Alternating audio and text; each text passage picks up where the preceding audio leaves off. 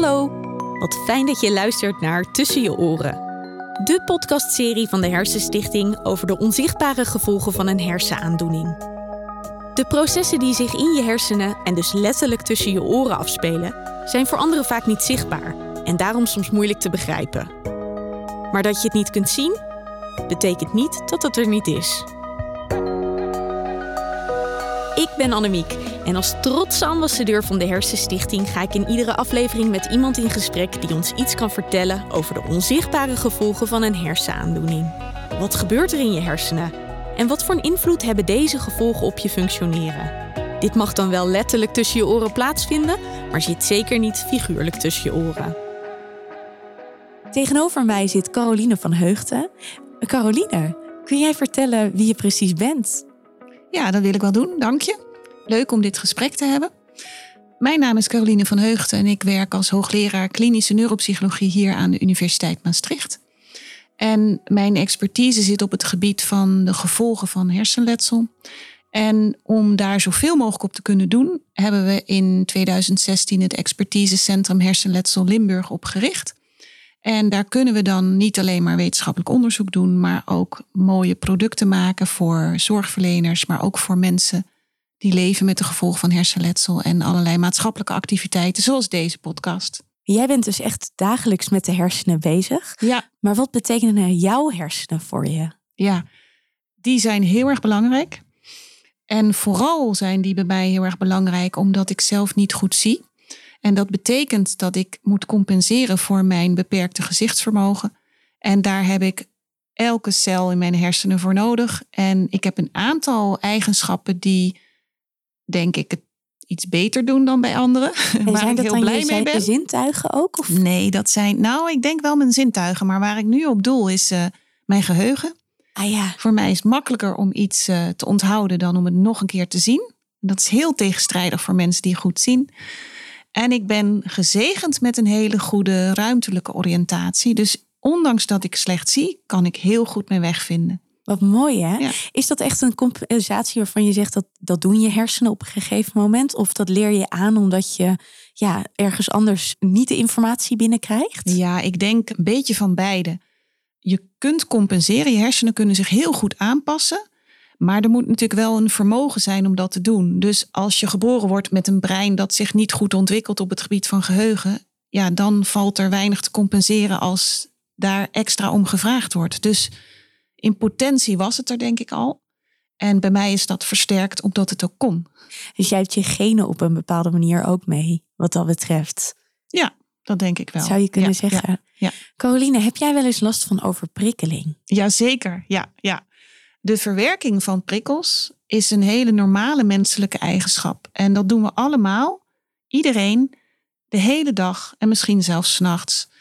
En de manier waarop we met al die prikkels uit onze omgeving omgaan is per individu verschillend. En daar passen we ons eigen gedrag ook op aan. Als voorbeeld, ik heb collega's die werken met een muziekje op de achtergrond. Nou, daar moet ik al niet aan beginnen. Ik ben gek op muziek. Ik luister heel graag naar muziek, maar niet als ik achter de computer zit en ik moet iets schrijven of gegevens analyseren. Dat kan ik echt niet. Liever geconcentreerd. Liever geconcentreerd en eh, wat de jonge mensen heel erg zal aanspreken, of juist niet. Maar mij zie je niet op een festival. Want eh, ik word al eigenlijk overprikkeld alleen al door eraan te denken dat er dan heel veel mensen zullen zijn die heel dicht bij mij zijn met hele harde muziek. En op voorhand denk ik al, dat wil ik niet. Nee, ik heb dat ook. En ik ben iets jonger. Ja. Maar het is gewoon de hoeveelheid aan prikkels. Inderdaad, mensen om je heen. Alle geluiden die je hoort. Er valt op dat moment ook zoveel te zien. Het is gewoon te veel om waar te nemen. Ik krijg daar ook meteen een beetje stress in mijn lichaam van. Ja. Maar laten we het eerst over overprikkeling hebben. Wat is dat nou precies? Ja, dat is natuurlijk een hele goede vraag. Dat weten we niet. Kijk. ja, ja. En dat begint al bij, wat zou het in het Engels zijn? Misschien kun je daar eens over nadenken. Want wij doen natuurlijk wetenschappelijk onderzoek. Is En met too much tension of zo? Nee, dat is het niet, hè? nee, nee. Dus kijk, de voertaal in wetenschappelijk onderzoek is Engels. Dus voor ons is het heel erg belangrijk om te weten hoe we het in het Engels vertalen. Zodat we kunnen zoeken in de internationale wetenschappelijke literatuur naar wat er al bekend is. En dan komen we erachter dat er niet één term is. Dus het woord overprikkeling in het Nederlands kunnen we niet vertalen in één term in het Engels. En dat zegt dus al gelijk iets over dat woord. Want het is dus niet één ding. Het zijn meerdere dingen. En daar komen we straks wel even op wat die meerdere dingen zijn. Maar het is een soort van cultureel verschijnsel, zou je dan bijna zeggen. Nou, ik zou eerder zeggen een containerbegrip. Want ik denk niet dat anderen er geen last van hebben, maar dat ze het anders noemen. En als je het anders noemt, betekent dat ook gelijk dat er misschien ook verschillende oplossingen zijn. Dat er dus niet één probleem is, maar dus ook niet één oplossing. Nou, om een voorbeeld te geven. In het Engels wordt vaak gezegd dat het zintuiglijke overbelasting is. Sensory overload. Dat is de term waar wij naar zoeken in de literatuur. Ik kijk intussen naar uh, degene die hier ook aan tafel zit. En dat is Marilyn Marzolla. Zij is de promovendus op dit uh, onderwerp. En uh, ik check zo nu dan, dat zien jullie niet. Maar ik check zo nu dan of wat ik zeg, of ik dat ook goed zeg. Want zij is natuurlijk de expert. Maar omdat ik iets meer de senior ben, uh, doe ik nu de podcast. Dus uh, kijk Marilyn nu aan van zij mag het de volgende keer doen. Het gaat ook goed. ja. Dus sensory overload of zintuigelijke overbelasting is iets wat we in de literatuur zien. Maar dat zegt iets over hoe bijvoorbeeld geluiden en licht bij je binnenkomen. Dus, dus wij verwerken allemaal licht en geluid de hele dag door. Maar bij sensory overload heb je dus het gevoel dat de geluiden harder binnenkomen dan bij anderen, of dan voor je hersenletsel, of dan normaal, wat dat dan ook is. En dat licht wordt ervaren als feller dan voor je hersenaandoening, of dan vroeger, of dan anderen. En dat is niet bij iedereen zo. Want... Dus dan gaat het niet zozeer om de hoeveelheid indrukken, maar meer omdat de indruk op zich al heel veel is. Ja, dus de intensiteit. Precies. Het gaat dan veel meer om de intensiteit van de prikkels. Die lijkt te zijn toegenomen. En bij een festival zou ik zeggen, dan gaat het om de hoeveelheid prikkels, dat het er heel veel zijn. Precies. Dus wat we ook vaak horen is dat mensen zeggen: nee, het licht is niet feller of de geluiden zijn niet harder, maar als ik naar een drukke supermarkt ga op een tijdstip dat er heel veel andere mensen zijn, dan wordt het me te veel. En dat is dus iets heel anders, want dan kun je de prikkel op zich wel waarnemen zoals die er is. Hij is niet intenser of heftiger, maar je kunt niet meer filteren, je kunt niet meer een onderscheid maken tussen welke prikkel is relevant en welke prikkel niet. Want je hoeft niet met al die prikkels iets te doen. En dat horen we vaak terug en dat heeft Marilyn ook in de interviews. We hebben interviews gehouden met mensen die zelf aangaven ik heb last van overprikkeling. En dan merk je dus, ja, dat zijn verschillende groepen mensen. Ja, want je zegt inderdaad, het is een containerbegrip. Ja. Is het dan ook zo dat er verschillende aanleidingen toe kunnen zijn dat je overprikkeld kan raken? Ja, wat we weten is dat het voor kan komen nadat je brein is beschadigd. Maar het kan natuurlijk ook voorkomen als je gewoon je brein heel erg belast. Dus dan hoeft er niet een beschadiging te zijn, maar als ik een hele drukke week heb gehad, dan kan het zo zijn dat je bijvoorbeeld op zaterdagochtend thuis dat een prikkel van iemand uit je gezin ineens te veel is. En dan is, zijn je hersenen echt niet beschadigd, maar dan, dan is je brein al best wel wat belast door de loop van de week. Waardoor je die prikkels misschien veel meer ervaart als een last dan normaal. Dus je kan zeggen, het kan door hersenbeschadiging komen, maar het kan ook natuurlijk komen door dus belasting of overbelasting van je brein. En dan hoeft daar niet echt een beschadiging onder te zitten. Maar ook, en dat vind ik wel een belangrijke om te noemen, een derde is als je in een omgeving bent waar minder prikkels zijn, zoals tijdens een lockdown, waar we allemaal in hebben gezeten, dan past je brein zich daar ook weer aan aan. Dus dat brein is dan gewend aan minder prikkels. En dat hebben heel veel mensen ervaren toen de lockdowns weer werden opgeheven. En persoonlijk worstel ik daar best nog steeds mee. Want nu ineens hebben we heel veel prikkels. Je kunt weer uit, je kunt naar de bioscoop, je kunt naar festivals, je kunt overal mensen ontmoeten. Het is hier op de universiteit weer druk op de gangen. En ik merk dat ik daar wel weer even aan moet wennen. Dat mijn brein ook wel weer het misschien ook wel prettig vond dat er even wat minder prikkels waren. Ja, herkenbaar. En dan is er dus niks kapot en dan is er ook niks overbelast. Maar dan ja, past je brein zich aan aan de nieuwe omstandigheden. En zou je dan spreken van op het moment dat wij allemaal in die lockdown zaten, hebben je hersenen even rust? Of zou je dan echt spreken over onderprikkelingen, dat je dus van onderprikkeling weer naar heel veel prikkels gaat, waardoor je overprikkeld kan worden? Ja, ik denk beide. Onderprikkeling is iets wat we nauwelijks benoemen als we het hebben over hersenschade. Maar dat is iets wat bijvoorbeeld bij kinderen met ADHD en autisme spectrumstoornissen wel iets is wat vaak besproken wordt. Dus daar wordt veel meer nagedacht over prikkelverwerking. Dat doe je op een spectrum van te weinig prikkels naar te veel prikkels.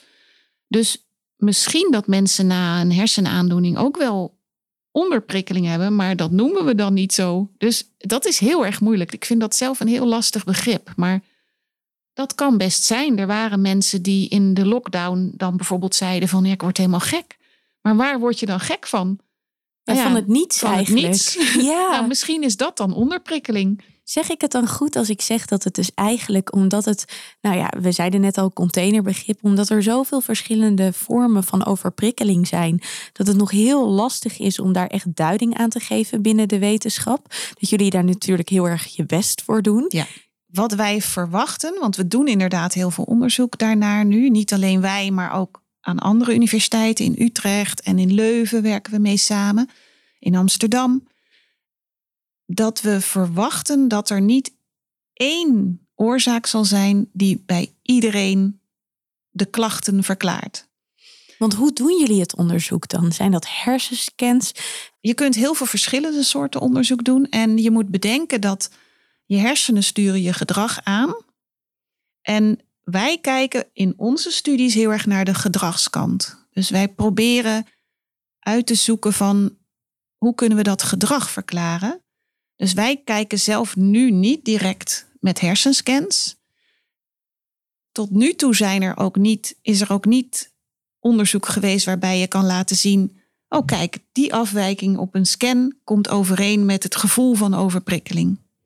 En dat komt omdat wij denken dat gedrag veel complexer is dan een enkele hersenfunctie. Want gedrag wordt bepaald door je hele brein. En bijvoorbeeld als iemand een hersenbeschadiging heeft, zoals bijvoorbeeld een beroerte, en door die hersenbeschadiging is de aandachtsfunctie verstoord. En dat kunnen we ook meten. Hè? Dus we kunnen met testen in een laboratorium kunnen we mensen opdrachten doen, taken geven onder hele gecontroleerde omstandigheden. En dan kijk je, doet de aandachtsfunctie het of niet? En als er iets niet doet, welk onderdeeltje dan niet? dan kan je kijken van, en leidt dat dan ook bij die persoon tot bijvoorbeeld dat gevoel van: ik kan in die supermarkt niet meer goed mijn aandacht verdelen of juist richten op dat wat belangrijk is en niet op dat wat niet belangrijk is. Dus daar verwacht je van. Er is iets kapot in het brein. Dat zou kunnen leiden tot een aandachtstoornis. En dat zou kunnen leiden tot de klacht over prikkeling. Maar Andersom kan je niet. Tussen, ja, ja, precies. Ja. Want de klachten, dus hoe mensen zich voelen, worden niet alleen bepaald direct door die relatie tussen die functie en dat gedrag. Maar er zijn nog twee hele grote belangrijke factoren bij. En dat is persoonsfactoren en omgevingsfactoren. Vertel. Nou, wat ik net al zei, prikkelverwerking doen we allemaal. En dat is een beetje het technische deel, zou je kunnen zeggen. Het biologische deel. Kan je brein prikkels verwerken? Maar hoe je daarmee omgaat is iets persoonlijks. Dus ik kies er al voor om niet naar een festival te gaan. En dat is zo'n persoonsfactor. Dus er is niks aan de hand. Ik kan prikkels verwerken. Ik verwerk ze niet als te intensief. Ik ben niet onderprikkeld, ben niet overprikkeld. Dat is mijn keuze als persoon. Ik vind dat niet prettig. Nou, dat is, hè, dat is bijvoorbeeld, dat hoort bij je persoonsfactoren. En dat heeft eigenlijk dus helemaal niks te maken met gevoeligheid voor overprikkeling, maar gewoon meer echt dat je het zelf gewoon niet aangenaam vindt om dat te doen. En dat zijn gewone normale individuele verschillen. Precies, ja, net als bij geheugen. Hè? dat vinden mensen. Ja, maar ook bij geheugen, dus ook bij andere functies van het brein. Iedereen zegt wel eens over zichzelf van. Oh nee, ik heb een, ik, mijn, mijn geheugen, daar moet je niet op vertrouwen. Ik, ik ben een zeef. Dat weet je van jezelf. En dat vinden we dan heel normaal, dat daar individuele verschillen bij zijn. Nou, misschien moeten we ook gaan realiseren dat bij het verwerken van prikkels het ook heel normaal is dat daar individuele verschillen zijn. Dus voor mensen die er last van hebben, zou het heel prettig zijn als ze eens nagaan van wat is er nou veranderd sinds ik daar last van heb. Jij zei ook nog, er is een tweede factor, omgeving. Omgevingsfactoren. Dus het kan zijn dat je normale, de prikkels normaal kunt verwerken, maar dat de invloed van de omgeving daar een rol in speelt. Dus sommige mensen kiezen dan bijvoorbeeld al niet voor een functie waarbij er veel prikkels aanwezig zijn in de functie. Van stel je voor dat je een baan hebt. Als je als persoon al, zoals ik, niet zo graag overprikkeld raakt of gevoelig bent voor prikkels, ja, dan kies je misschien ook wel niet een omgeving waarin veel prikkels. Dus bijvoorbeeld in een fabriek of een kantoortuin. Oh, daar zou je echt mij helemaal geen plezier mee nee, doen. mij ook niet. Nee. ik denk ook wel eens terug aan de middelbare school. Waarin je dan de hele tijd met elkaar in een klas zat. Die prikkels in zo'n klas. Er gebeurt zoveel buiten de lesstof om. Ja. Dus ik kan me dat heel goed voorstellen wat je zegt. Dat de een ja, toch gevoeliger voor omgeving is dan de ander. Ja, precies. Dus daar, dan hebben we het over een normaal functionerend brein, waar dus al heel veel ja, verschillen zijn tussen mensen. En ik denk dat dat goed is om gewoon eens te benoemen. Wat voor de een wordt ervaren als overprikkeling, hoeft voor de ander niet zo te zijn. En daar komt misschien ook wel vaak dat onbegrip vandaan. Want de klacht moet natuurlijk wel serieus genomen worden. Als je er last van hebt, dan moeten we dat met z'n allen serieus nemen. En niet van goh, ik ga altijd naar festivals, begrijp niet waar je het over hebt, bijvoorbeeld. Hè? Ja, ik vind dat dat heel erg belangrijk is. Van ook al weten we niet precies wat het is, dat we wel die klacht serieus nemen. En is die klacht serieus nemen, is dat dan preventie door te zeggen: ik ga niet naar een festival, ik ga niet in een kantoortuin werken? Of zijn er ook andere dingen waarvan nou, we inmiddels weten? Ik denk dat heel veel mensen het op deze manier redeneren dat zij zeggen van ik ben overprikkeld geraakt er moet nu iets gebeuren. En dan eh, denk ik aan overspannenheidsklachten, bijvoorbeeld thuis blijven, bepaalde dingen vermijden. Hoe kijken jullie daarnaar? Is er, is er een soort van stappenplan wat je kunt doen? Nee, dat, ook dat moet heel individueel zijn, maar vermijden is niet noodzakelijk de oplossing. Kijk, ik als persoon heb gewoon gekozen voor dat ik niet naar festivals ga. Ik mis dat dan ook niet. Maar waar het hier natuurlijk om gaat, is dat er mensen zijn die overprikkelingsklachten hebben, waardoor ze niet meer de dingen kunnen doen waar ze blij van worden of die ze graag willen doen in hun dagelijks leven. En dan moeten we er wel iets mee. En dan zou ik het jammer vinden als vermijden de oplossing is. En daarom is het ook belangrijk om goed na te denken van wat is het bij jou nou precies wat dit oproept? Om als voorbeeld te geven, ik, ik zei daar straks dat brein is, kan zich heel goed aanpassen aan situaties. Dat brein moet je dan wel ook even de kans geven om dat te doen. Nou, wat wij weten is dat als mensen bijvoorbeeld hun hoofd hebben gestoten en ze krijgen de diagnose hersenschudding, dat er dan in het begin, de eerste paar dagen, de eerste paar weken, kunnen mensen dus geluiden en licht als heel heftig ervaren. Nou, dan kan het zijn dat om daarmee om te gaan en om die last, bijvoorbeeld de hoofdpijn die je daarvan krijgt, of je wordt er prikkelbaar van, of boos of gefrustreerd, nou, dan zou je dus bijvoorbeeld een zonnebril opdoen en oordoppen in om dat te vermijden, om die intensiteit te dempen. Maar misschien in de tussentijd, onderliggend, herstelt dat brein zich. Maar jij geeft niet dat brein de kans om dat ook aan jou te laten zien wat wij allemaal nu moeten doen door toch weer het leven na de lockdowns aan te gaan. Ja. Dus wat we vaak terug horen is dat mensen doen dan één keer die zonnebril af of die oordoppen uit. En dan zeggen ze, zie je wel, het is niet over. Ja, maar dan zou je misschien dat een paar keer moeten doen of moeten opbouwen om te kijken of dat echt wel zo is. Want misschien heeft je brein, hè, als je als ineens het licht aangaat s'nachts, ja, dan ben je ook met je ogen aan het knipperen. Maar dan duurt het een paar minuten voordat je ogen, dat zeggen we ook. Je en omgekeerd moeten ook, zich aanpassen. Ja. Of bijvoorbeeld het licht gaat uit, dat je moet zeggen, ik moet me even wennen aan het donker. Nou, dat gaat misschien in een paar minuten. Maar misschien heeft dit wat meer tijd nodig. Dus één keer die bril af en één keer die oordoppen uit. En dan zeggen, het is nog niet over vind ik jammer. Dan doen mensen zichzelf tekort. Dan dus, gaat het dus, dus, echt over training. Dan zou je kunnen zeggen opbouwen. Laat dat brein weer even wennen aan nieuwe activiteiten. En wat is dan een moment waarop je zou zeggen van, oh ja, dit brein kan het inderdaad niet aan. Doe dat maar niet. Dus ga to misschien toch bepaalde dingen vermijden. Ja, daar kan je niet. Dat is ook kan echt je niet, individueel. Ja, dat is heel individueel. En dat is natuurlijk lastig voor mensen die nu luisteren, want dat is vaak waar het misgaat. Hè? Als je de spoedeisende hulp te horen krijgt van doe het maar even rustig aan.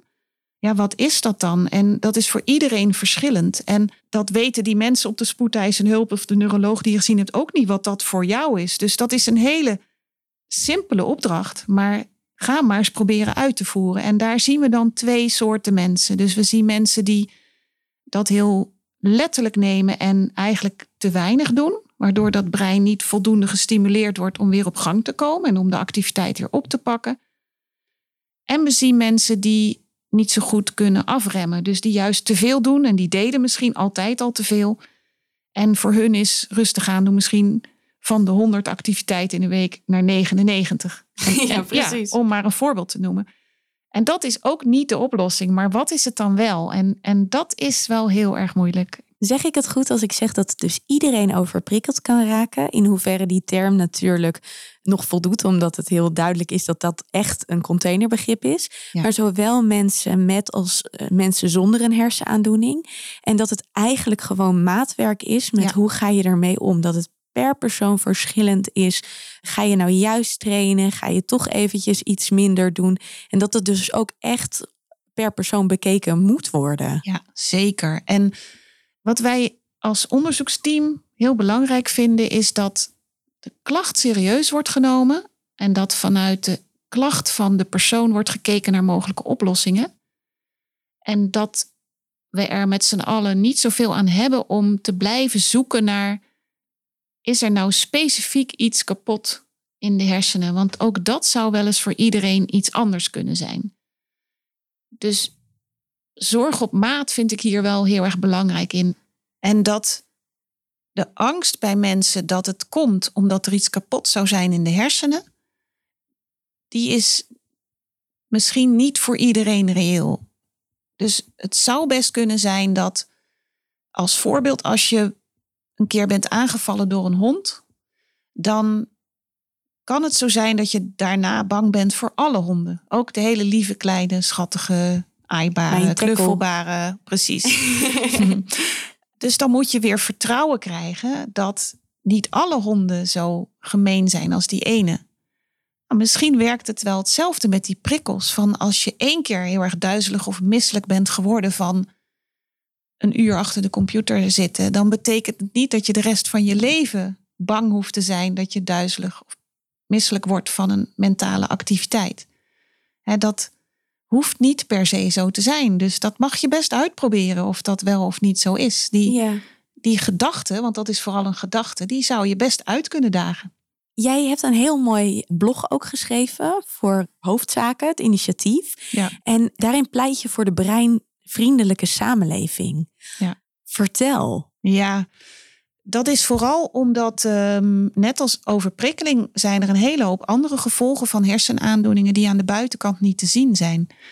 Maar dat betekent niet dat ze er niet zijn of dat ze niet heel vervelend kunnen zijn. En ik denk dat juist ik dat heb geschreven, omdat jij mij ook niet ziet dat ik slechtziend ben. Maar dat betekent niet dat ik er de hele dag door rekening mee moet houden en me moet aanpassen. En ik doe dat. En dat lukt. Maar het zou fijn zijn als mensen zich dat realiseren. Dat betekent niet dat je bij iedereen waarvan je weet dat ze een hersenaandoeningen hebben, de hele dag door moet zeggen: zal ik dat van je overnemen of heb je hulp nodig? Dat vind ik zelf als slechtziende ook altijd heel erg vervelend. Maar wel dat mensen erbij stilstaan dat als je het aan de buitenkant niet ziet, dat dat niet betekent dat iemand helemaal gezond is. En dat is iets wat ik van mensen zelf ook wel eens heb teruggehoord. Die dan zeggen, ja, had ik maar een been gebroken. Want dan zagen de mensen tenminste iets aan mij. En dan liep ik met gips of met krukken. En dan hield iedereen rekening met mij. Maar nu doet niemand dat. En dan vraag je heel veel van de mensen zelf. Want dan moeten ze eigenlijk altijd met de billen bloot. Er is iets met mij aan de hand. Ik kan sommige dingen niet. En daar heb ik misschien wel hulp bij nodig. En dat is best een grote stap. En het zou zo fijn zijn als de maatschappij, als de mensen in de maatschappij zich realiseren wat dat dan is, die onzichtbare gevolgen, zodat ze er zelf ook al rekening mee houden dat dat misschien een probleem zou kunnen zijn. Dat het bij iedereen wat meer in het achterhoofd zit. Dat het niet per se de norm is dat je kan zien, dat je kan horen, dat je misschien wel in je hersenen iets hebt waardoor uh, ja, praten misschien moeilijk is of waardoor bepaalde andere dingen net iets minder gemakkelijk gaan dan bij de meeste mensen. Ja. Daarmee geef je eigenlijk ook antwoord op mijn laatste vraag, namelijk wat zou je nou willen zeggen tegen de mensen die zeggen, ach joh, overprikkeling, dat zit toch gewoon tussen je oren? Ja, dan zou ik zeggen, daar ben ik het helemaal mee eens. Maar vanuit een ander perspectief dan het vaak gehoord wordt. Want als er wordt gezegd dat een klacht tussen je oren zit, dan wordt dat door mensen vaak ervaren als, ja, dan zal ik er zelf wel schuld aan hebben of dan doe ik het zelf, want er is niks aangetoond. Maar wat ik daar straks al zei, ons brein is een prachtig orgaan dat heel veel doet. Dus niet alleen maar prikkels verwerken, maar ook hoe je je voelt bij bepaalde prikkels en welke keuzes jij in het leven maakt. Dus ik zou zeggen, ja zeker overprikkeling zit tussen je oren, want je brein zit tussen je oren. En of er nou een heel klein stukje in dat brein kapot is of niet, dat maakt niet uit. Het gaat erom dat dat hele brein in staat is om jou de dingen te laten doen die voor jou belangrijk zijn. Dus ik zou zeggen, benut dan vooral de rest van je brein om te zorgen dat je minder last hebt van die overprikkeling. En hopelijk leren we langzamerhand steeds meer over het brein. Ja, zeker. Ja, wij zei, ik ga nog niet met pensioen, dus ik ga daaraan bijdragen. Marlene ook niet, toch? Nee, die staat helemaal aan het begin van haar carrière. dus uh, ja. Daar ja. gaan we voor. Ja. Dankjewel, Caroline. Graag gedaan. Bedankt voor het luisteren naar deze aflevering van Tussen je oren. De Hersenstichting investeert in hersenonderzoek, geeft voorlichting en zet zich in voor betere patiëntenzorg, revalidatie en participatie. Jij kunt ons hierbij helpen door te doneren, maar ook door deze podcast te delen. Vond je de aflevering interessant of herkenbaar? Laat het ons weten via social media met de hashtag Hersenstichting. Geen aflevering missen? Abonneer je dan in je favoriete podcast-app. Wil je meer weten over de onzichtbare gevolgen van een hersenaandoening? Ga dan naar hersenstichting.nl/gevolgen.